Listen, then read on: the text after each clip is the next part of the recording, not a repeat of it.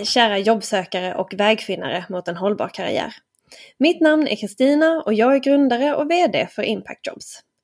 Impact Jobs är Sveriges community för de som vill sträva mot en hållbar karriär. Och det för mig betyder att man jobbar med någonting man tycker är kul och meningsfullt hos en arbetsgivare som skapar positiv samhällspåverkan och samtidigt tar hand om sin arbetskraft så att de får bli friska i en trygg arbetsmiljö. Impact Jobs är till största del en jobbannonsör för hållbara företag men också en inspirationskälla till ett hållbart arbetsliv med blogg och eventkalender.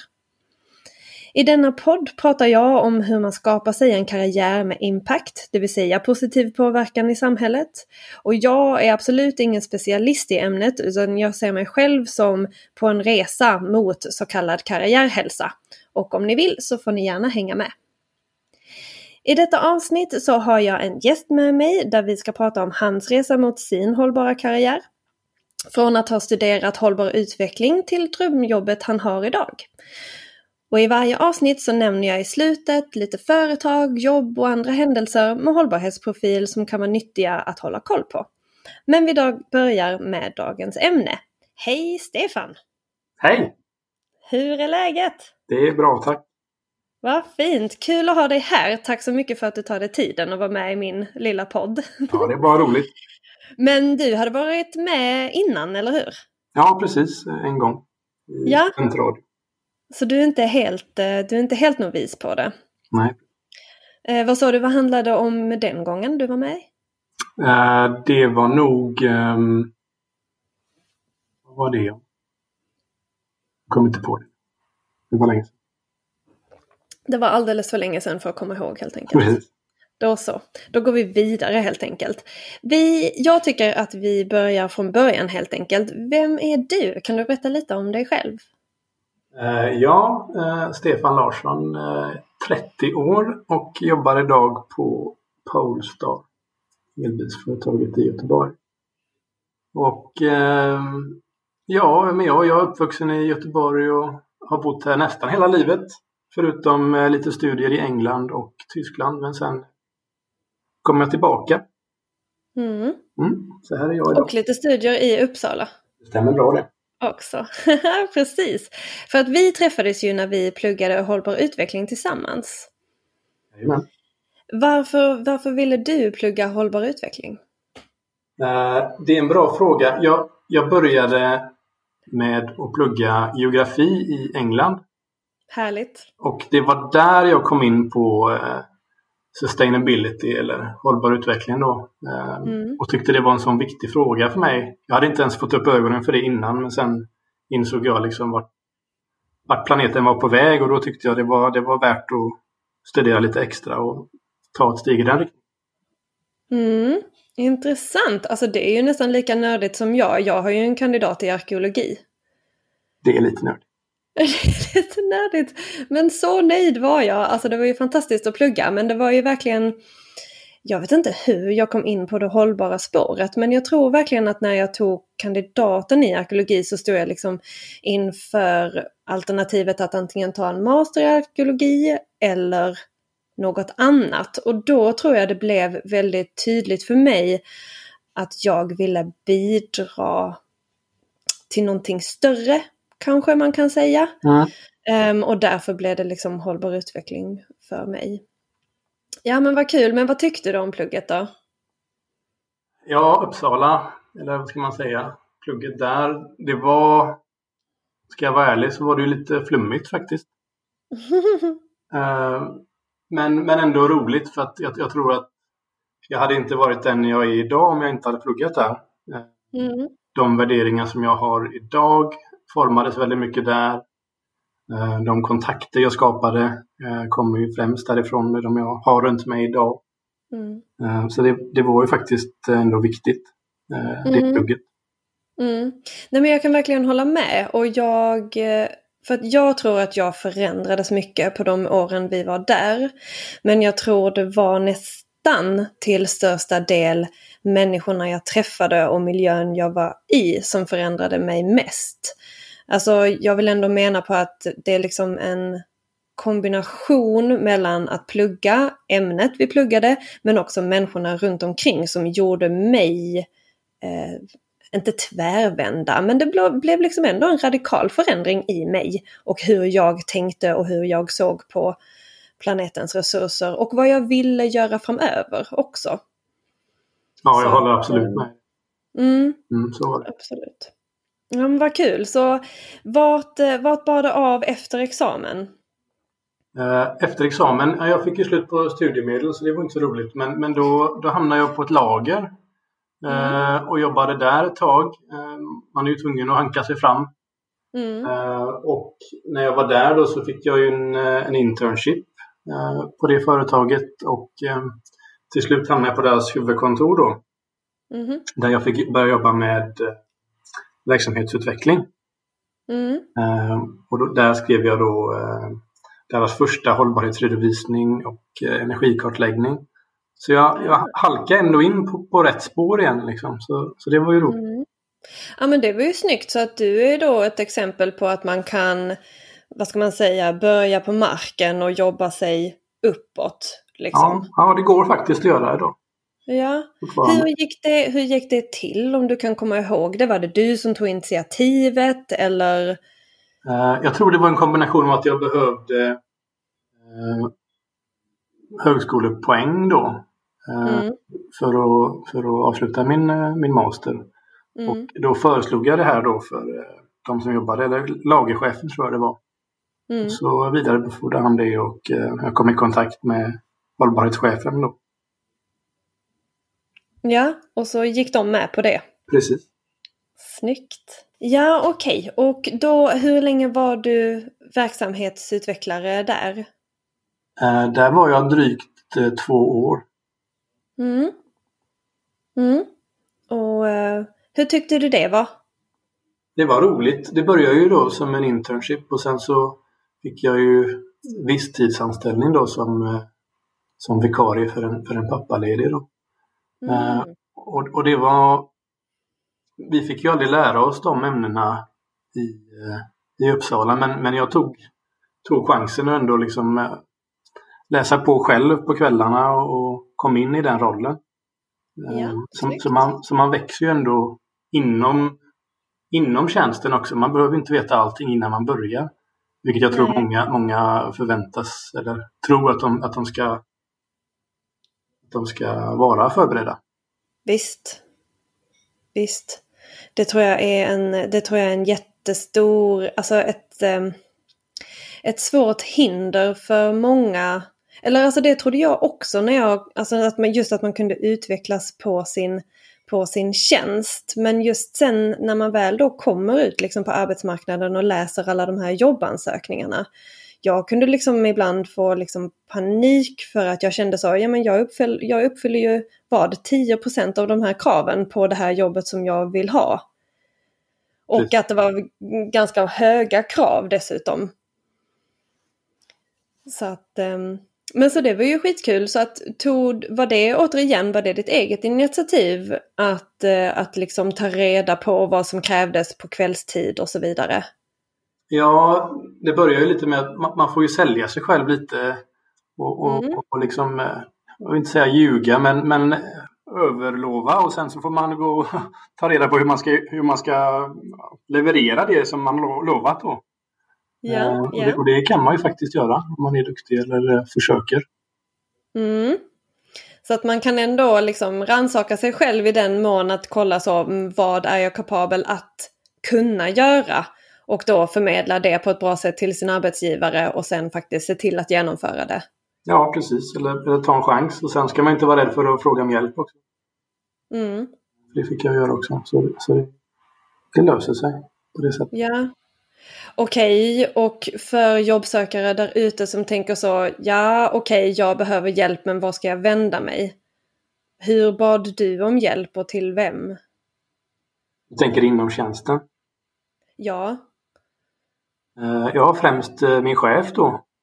Mm. Vände jag mig till direkt och eh, när hon kanske inte hade tid så fick jag ju hjälp av mina kollegor. Är det okej okay att be om hjälp? Ja, självklart. Ja. man kan inte göra allting själv. Nej. Fint och jag tänker att just det är ju så man utvecklas också. Alltså jag tänker ju verkligen att man kan ju inte hålla på med någonting dag ut och dag in som man redan kan. Nej precis. Själv är jag ju lite, lite introvert så det kanske tar emot lite också att be om hjälp.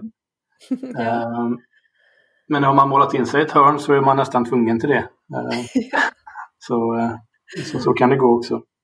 Mm. Och det menar ju ändå du då att det var ju värt det att kunna att be om hjälp. Ja, självklart. Och du fick hjälp. Det är ju alltså som många säger faktiskt att många Alltså ja, jag förstår absolut att det är svårt att be om hjälp. Men på andra sidan så är det ju många som tycker om att hjälpa. Självklart. Att det gör man, de flesta gör det ju mer än gärna. Ja, och vi hade ju tur också att flera av våra klasskamrater blev ju konsulter senare så de jobbar ju med de frågorna som, som jag jobbade med då. Och yeah. kunna ta hjälp av dem också. Ja, så du, precis. Då tog du hjälp av ditt nätverk så att säga. Mm. Ja, men snyggt. Men okej, okay, eh, så då tog du ju ändå ett, eh, ett ganska bra skutt där med från lagerarbetare till verksamhetsutvecklare och skriva liksom hållbarhetsrapporter och så vidare. Mm. Hur, eh, hur såg det ut sen då? Ja, det var ju inte så länge då. Det var ju bara i två år. Och sen, sen la de ut min tjänst på Arbetsförmedlingen på deras hemsida. För att pappaledigheten tog slut? Precis. Och, och för eh, att de måste? Ja, de var, de var tvungna enligt sin eh, policy. Ja. Um, och vad som hände då var att jag sökte min tjänst igen. Uh, för de, de, han som var pappaledig kom tillbaka och de skulle utveckla eller uh, förstora sin avdelning då. Och rekrytera nytt då. Mm. Så det var ju samma tjänst som jag jobbade med och det sökte jag men fick det inte. Mm. Uh, vilket kan hända också. Ja, de tog Hur in kändes... Någon... Förlåt. Nej, vad sa du? Eh, de tog in någon som var mer erfaren. Eh, någon extern? Ja. Mm. Hur kändes det? Ja, det var ju faktiskt eh, riktigt surt. Det kan jag tänka mig. Ja, det var inte den roligaste tiden kan jag säga. Nej. Och då, så då gick du därifrån och blev jobbsökare? Det blev jag. Mm. Vad, vad gjorde du då? Vad är liksom första steget när man, när man får ett sånt besked? Uh, ja, jag gjorde ju det som man ska göra då dag ett och skrev in mig på Arbetsförmedlingen som jobbsökande. Ja. Hur var hela den upplevelsen? Ja, den kan man väl säga inte var den absolut bästa. uh, det kändes mindre som att det var Arbetsförmedlingen och mer som att det var a-kassaförmedlingen. Eh, okay. Första frågan jag fick var, ska du ha a-kassa? Ja, jo. Så fick jag ju tänka lite på det. Eh, det var inte helt självklart för mig att jag ville ta. Nej, varför inte det? Ja, kan väl säga att det var personliga värderingar eller att jag tyckte att nej men jag ska väl inte behöva ta a-kassa. Jag, mm. jag, jag är ändå frisk och liksom kan arbeta. Varför ska jag behöva ta medel? Jag känner att det är mer för dem som kanske inte har det så lätt att få jobb. Mm, mm. Men, men, det ändrar ju sig då. Eh, jag, jag har min sambo då, hon tyckte ju att Ja men Stefan, Ska du inte ta tiden nu och söka efter ett, ett jobb som, som håller i längden och, och ta den tid du behöver för att hitta det då? Mm. Så, så lyssnade jag på henne och eh, bestämde mig för, för att ta a-kassa då. Ja. Om du ser tillbaka på det, var det liksom, var det rätt beslut? Det är svårt att säga för, för, för eh, arbetslösheten varade ju ändå lite drygt ett år. Eh, så det är inte så roligt att gå på medel i ett år och sådär. Nej. Jag vet inte om det, det kanske hade fler anledningar men det var nog rätt, rätt i, slutändan att, att ta det. Mm. För då kunde jag liksom ämna mig, ägna mig åt eh, jobbsökandet. Mm, mm. Ja, och det... Mm, ja, precis. Alltså det är svårt, tänker jag, när jag hör ett år. att Alltså det är svårt att um, uppskatta om, om är, är det långt eller är det inte särskilt länge. Alltså man tänker just för att folk pratar inte om det. Hur, hur, hur länge var, hur länge är okej okay att, att vara mellan jobb? Egentligen inget alls. Um, men att då um, liksom, ja, att ta sig vidare, ta sig vidare från det. Och man har ju alltid, man har ju alltid hopp om att nästa möjlighet väntar, väntar runt hörnet så att säga. Jo, det har man ju. Men det kanske är lite svårt ibland att hålla uppe den motivationen. Och, eh, om det är långt eller inte kan, man, kan jag bara se ur mitt perspektiv. Jag har bara varit arbetssökande så länge vid ett tillfälle och det var ju då. Mm, mm. Och det Hur kändes... Du... Eh, förlåt. Vad sa du? Ja, det kändes jäkligt långt just då. Jag kan tänka mig det. Hur höll du uppe motivationen? Uh, ja, det var lite blandat.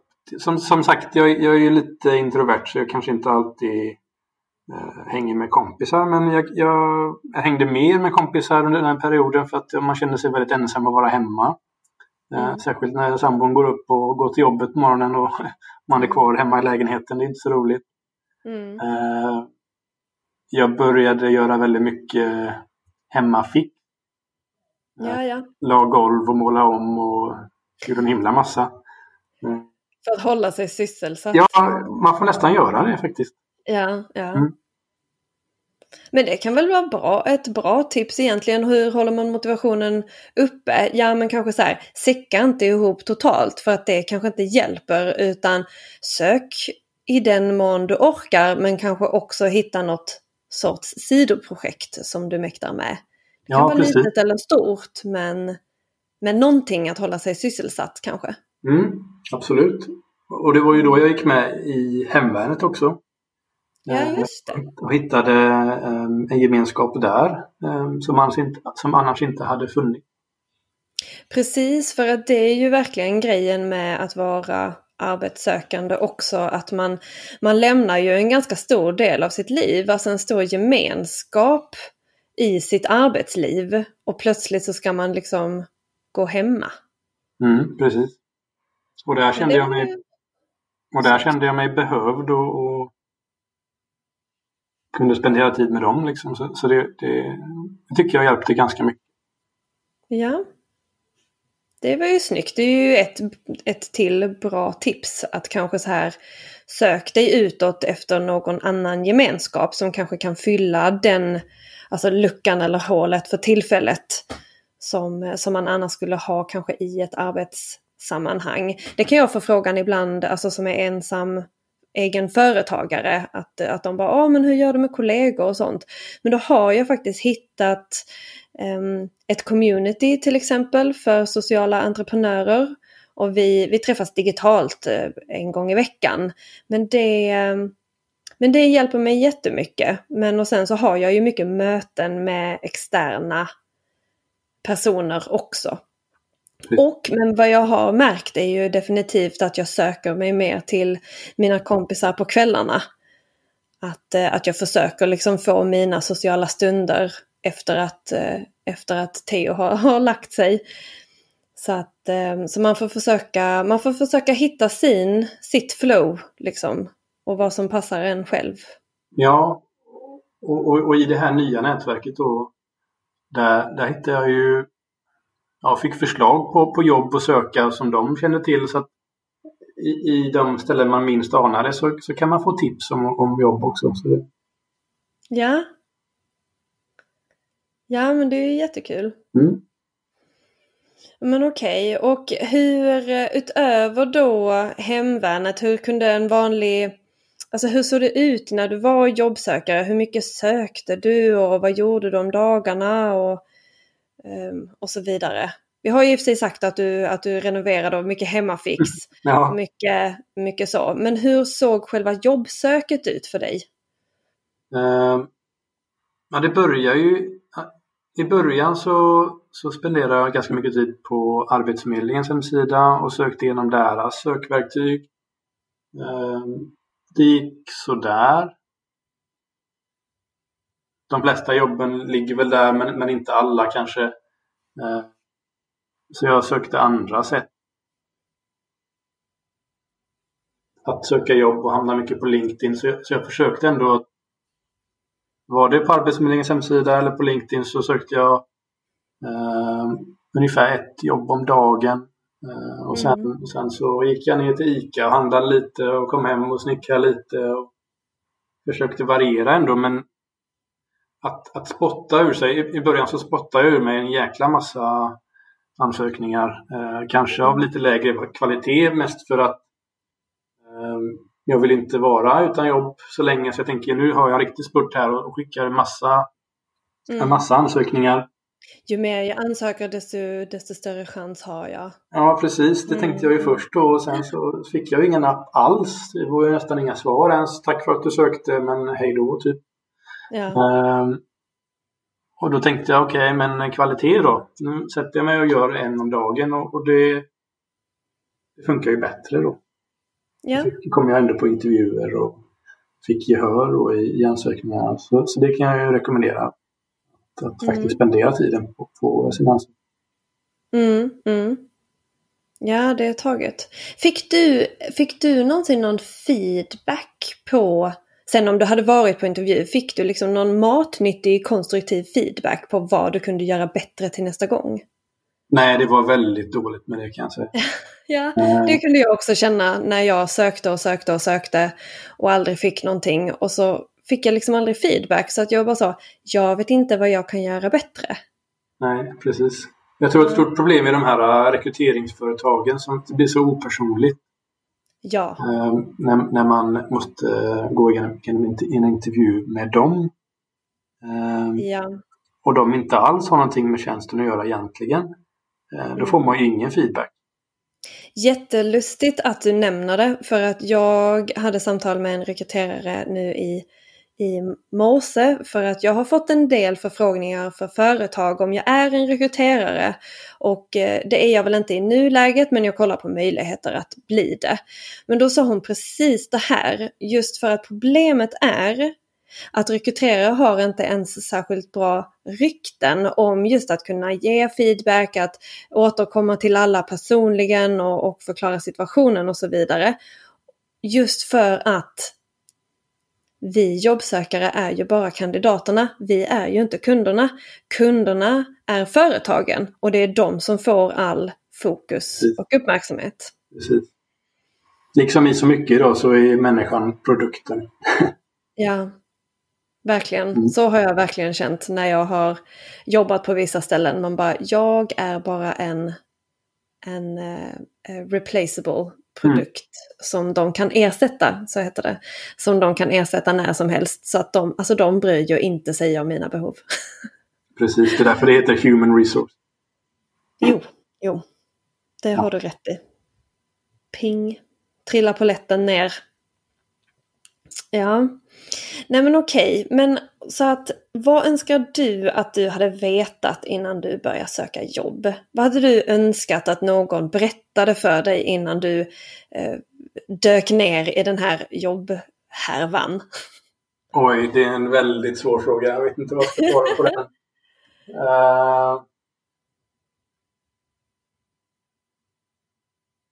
Hade det gått snabbare om jag om jag hade lagt all min tid på jobbsökandet och inte snickrat och inte gått ut och inte hängt med vänner. Ja, kanske. Men hade, hade jag mått bra av det hade jag fortfarande kunnat trycka ur kvalitetsansökningar? Nej, jag tror inte det. Så jag tror att ändå att ta hand om sig själv också. Det är väldigt viktigt att gå till gymmet och, och faktiskt eh, ja, sköta om sig lite extra. Mm. Ja men väldigt fin insikt och det kan jag verkligen bara hålla med om för att jag kommer ihåg jag såg någonting på LinkedIn. Vad var det om? Jag kommer inte ens ihåg vad poängen med, med inlägget var. Men jag kunde bara känna så, jag bara mm, det här låter ju jättebra. Men snälla påpeka också att det här funkar bara om du som jobbsökare har en bra dag. Alltså det var lite så här sälja in dig, att du måste vara övertygande i att att du är perfekt för det här jobbet. För att jag kunde också sitta på mina dåliga dagar och försöka söka ett jobb. Men bara, nej men vad, vad, jag är bara Ja, jag är bara en, en, eh, en produkt som kan ersättas. Vem är jag att liksom vara unik ja. Eh, för den här tjänsten? Det är ju bara bullshit liksom. Och hade jättesvårt att skriva det där person, ett övertygande personligt brev för att jag kände mig bara som en, en fraud. Liksom. En... Mm. Men, men det är okej okay, liksom, att, ha de dagarna, det tror jag. Mm. Mm. Måste kunna unna sig och andas lite emellan. Mm. Men vad tar du med dig från ditt, eh, ditt jobbsökande? Är det någonting som du har lärt dig som du tar med dig? Nej, men jag tror att det jag lärde mig mest, det var väl att ändå sträcka ut en hand till de man har omkring sig. Eh, min sambo, mina vänner och ändå ta, ta styrka ifrån dem. När man känner sig nere. För, för det, det är okej okay liksom att man känner sig nere. Att, att be om hjälp eller att, att uh, få stöd. Mm. Det är fine liksom. Mm. Ja men precis och det är väl precis det som jag absolut vill förmedla lite med Impact Jobs. Att så att kan vi snälla börja prata om utmaningarna som jobbsökare har. Alltså för att det känns som att det börjar nästan bli lite stigmatiserat att inte, att inte ha ett jobb, att inte ha en högt stigande karriär. Liksom att man, och det kan ju vara, alltså det kan ju dels då att man att man kämpar med, med själva jobbsöket men också att man eh, Alltså vissa hade säkert sett det som att man är fast i sin karriär men att det kan säkert vara att ja men jag att jag efterfrågade inte för en högre lön utan jag frågade om fler semesterdagar. Eller att jag, nej men jag tackade faktiskt nej till det här chefsjobbet för att jag vill inte vara någon chef för att jag, för att det betyder att för varje timme som jag är chef betyder det en timme extra jag är borta från mina barn. Eller från min hobby eller från min partner. Så att det tycker jag är det tycker jag är viktigt att, att det ska få vara okej okay, att, man, att man pratar om sin nuvarande situation. Självklart. Mm. Vad har varit mest överraskande i ditt jobbsök? Har det varit liksom någon situation eller något som du tar med dig som du tycker så, oh, didn't see that coming, eller något liknande? Jag kan säga att, att eh, det som var mest överraskande det kanske var slutet på, på jobbsökandet när jag faktiskt eh, fick den intervjun som, som gav mig ett jobb till slut. Ja. Och den, den kom från det stället jag anade minst eh, skulle kunna ge mig en chans till ett jobb. Ja, berätta. Uh, så jag, vi bodde i Stockholm då uh, och jag hade fått en intervju i Göteborg för att min sambo och min mamma hade övertygat mig om att men du kanske ska söka utanför eh, staden där du bor då. Ja, okej, okay, då sökte jag eh, en tjänst i, i Göteborg eh, hos ett rekryteringsföretag eh, för Volvo lastvagnar och det kände väl inte att det var mitt drömjobb. Men okej, okay, jag åker till Göteborg för, för den intervjun. Eh, och samtidigt så passar jag på att ta en lunch med, med en gammal kompis då. Ehm, så pratade vi lite om jobbsökandet och hur svårt det var. Ja, det var, det var ja, jag berättade om min resa helt enkelt. Och eh, han tänkte, ja men jag kanske har någonting som kan passa dig. Eh, jag förmedlar din kontakt och så, eh, så får vi se hur det går. Och eh, på så vis så, så eh, fick jag ju min intervju hos Polestar då. Mm. And the rest is history. Eller hur? Som då ledde till den anställningen som du har idag. Ja, eh, och den processen var ju heller inte helt lätt. Jag fick hoppa igenom många ringar så att säga. Aha. Eh, för att få den tjänsten. Ja. Eh, det var två intervjuer. En med mina blivande chefer, en med HR. Det var ett aptitudstest online som var lite logik, matte, psykologi. Oj. Möjligt. Och sen var det ett drogtest Mm. ovanpå det. Eh, så det gick, det gick faktiskt ganska fort eh, hela den processen. Eh, det var kan du komma ner till Göteborg nästa vecka? Ja absolut. Mm. Skaffa sig en tågbiljett, komma ner och göra alla test och, och intervjuer samtidigt. Och, ja, det lyckades. Snyggt. Ja. Nej men jag tycker det är, jag tycker det är så himla kul att höra. Eh, slutet gott, allting gott, brukar man säga. Men, eh, men jag tycker också det är speciellt kul, alltså det här så, som vi har pratat om innan, alltså den grejen som jag kanske vill att dagens lyssnare absolut ska ta med sig, det är underskatta inte ditt eget nätverk. För att jag tycker det är, det är många som, alltså de säger ju det, eh, vad är det de säger? It doesn't matter what you do, it matters who you know. Precis. Eller någonting. Och, eh, och det är ju verkligen så.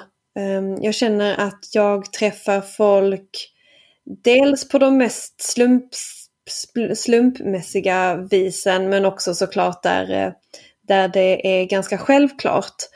Men jag tycker att man Jag tycker också att man ska komma ihåg just att nätverkande behöver inte vara på en supersnofsig konferens med eh, name tags och, eh, och vad, vad som nu krävs för en snofsig konferens. um, nej men att um, med, alltså med mycket folk och att man då att det står liksom på schemat, ja men nu ska vi mingla och, och, och så vidare. Utan att det kan faktiskt vara lunch med någon. Mm, när du minst anar Verkligen. Och jag tycker att det kan väl alla lyssnare som, som verkligen letar efter ett jobb just nu ta tillvara på. Att, um, att liksom underskatta inte nätverkande och jag kan tycka nu också, alltså det är lättare sagt än gjort, jag fattar det. Jag är dessutom extrovert och jag tycker det är lite obekvämt med nätverkande. Men, jag kan, men man kanske kan passa på nu i coronatider för att nu görs ju så mycket online och jag ehm, utan att alls, alls ha intentionen att nätverka så var jag med på ett event här om veckan och då, jag trodde att det var ett webbinar där vi inte skulle ses eller någonting sånt och så plötsligt så sa arrangören ja, vi hade uppskattat om ni kunde sätta på er, er video och vara, och liksom vara aktiva och jag bara va, det kunde ni väl skrivit i ja. så fall. um, men det slutade ju med att alla som var i min grupp, i min diskussionsgrupp, vi la ju till varandra på LinkedIn och, och plötsligt så hade jag ju massa fler kontakter som kanske kan leda till något annat. Mm. Just det som vi sa innan, man vet aldrig vad det kan leda. Så, att, eh, så det, ja, men det tycker jag är en jättefin liten, liten not att landa på, definitivt. Jag tror att jag har en liksom avslutande fråga för dig som kanske också är lite klurig, den kanske är lite oschysst. Mm. Men jag tänkte på det innan idag. Vilken förändring inom arbetsmarknaden vill du helst se så snabbt som möjligt? Eh, jag tror mina två takeouts egentligen är ju Arbetsförmedlingen behöver antingen eh, läggas ner och ombildas eller gå igenom en stor förändringsprocess. Eh, för det där är ett, ett vidunder som jag tror inte gör så mycket nytta idag. Uh, Återkommande grej alltså. Ja, jag måste det var det förut. på Arbetsförmedlingen alltså. uh, och sen kanske att, att företag inte ska anlita rekryteringsföretag eh, och kanske själva lägga lite mer energi på sina tjänster som man lägger ut och faktiskt intervjua själv. Nu, nu intervjuades jag eh, på Polestar utav eh, Volvo HR och de är ju stora nog för att kunna göra allt det här själv, själva egentligen. Mm. Och det kanske inte alla företag har möjlighet till men så långt det går försöka undvika de här företagen för de, för de är ganska opersonliga och det är inte så roligt att vara där som, som en produkt i deras väntrum. Uh, vänta på intervju med någon som inte bryr sig. Mm, mm. Så, så det, är, det är de två sakerna tror jag som, som är viktigast att förändra i arbetsmarknaden just nu. Mm. Ja men snygg insikt, alltså för att där kan jag verkligen tycka också när det kommer till alltså rekryteringsbolag och så vidare att mm, någonstans så handlar det ju om långsiktighet. Och det är ju ingen annan som känner företaget så väl som företaget själv.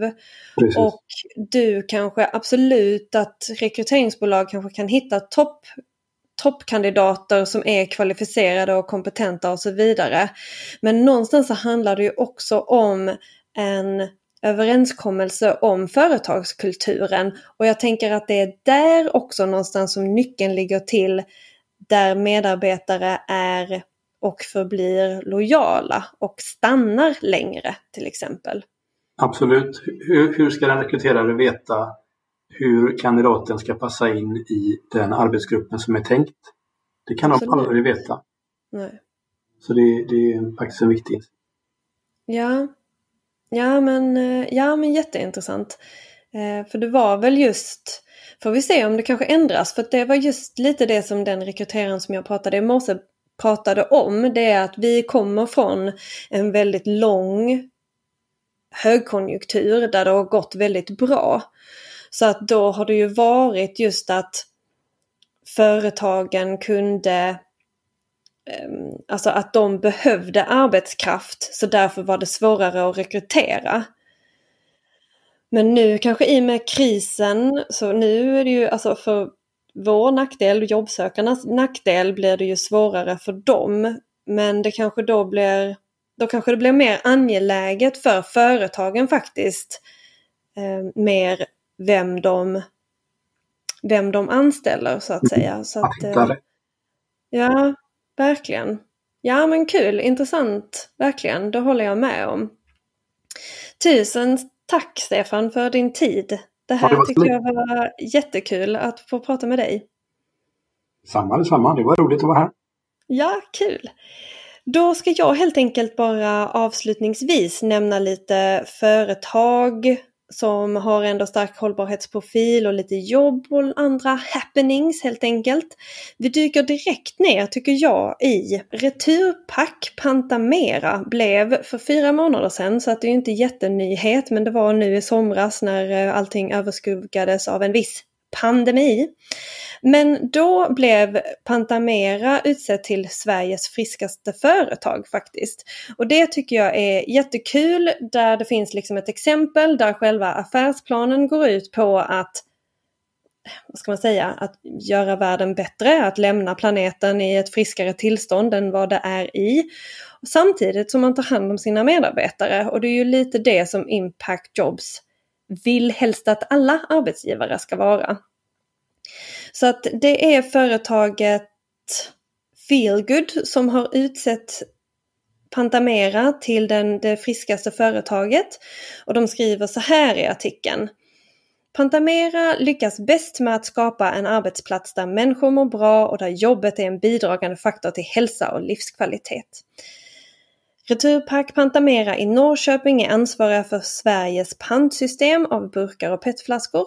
Men hållbarhetstänket finns inte bara i affärsidén utan gäller även medarbetare och arbetsmiljö. Så att eh, jag postar länken till, till dessa så ni kan få läsa mer och, och bli inspirerade av detta ypperliga exempel. Men vi kan då bara hoppa vidare till själva företaget Feelgood. Som är då Sveriges ledande hälsoföretag, säger de på hemsidan, för det moderna arbetslivet. Vi hjälper företag och organisationer att förbättra sin produktivitet och sänka kostnader. Det gör vi genom systematiskt och förebyggande arbete med arbetsmiljö, medarbetarskap och vid behov rehabilitering eller krishantering. Så att dessa är ju två, två arbetsgivare som ändå har arbetsmiljö ganska ganska högt prioriterat och om man själv prioriterar det högt så tycker jag absolut att man, ska, man kan följa dem på LinkedIn till exempel eller besöka deras hems, hemsida regelbundet för att se om de har några jobb. Nu verkar det som att Pantamera har inga lediga tjänster men Feelgood hade ett par. Bland annat så söker de en bolagsjurist till Stockholm och även arbetsin arbetsmiljöingenjör och företagssköterska till Hässleholm. Sen hade de andra jobb i andra delar av Sverige också. Så gå in på deras hemsida, jag länkar i, i poddavsnittet där ni kan själva gå in och kolla. Det var allt för mig denna gång. Hör gärna av er med feedback eller frågor eller tips på kristina.impactjobs.se eller följ oss också på sociala medier. Vi heter för det mesta at impactjobs.se. Tusen tack för idag. Ha det fint. Hej då!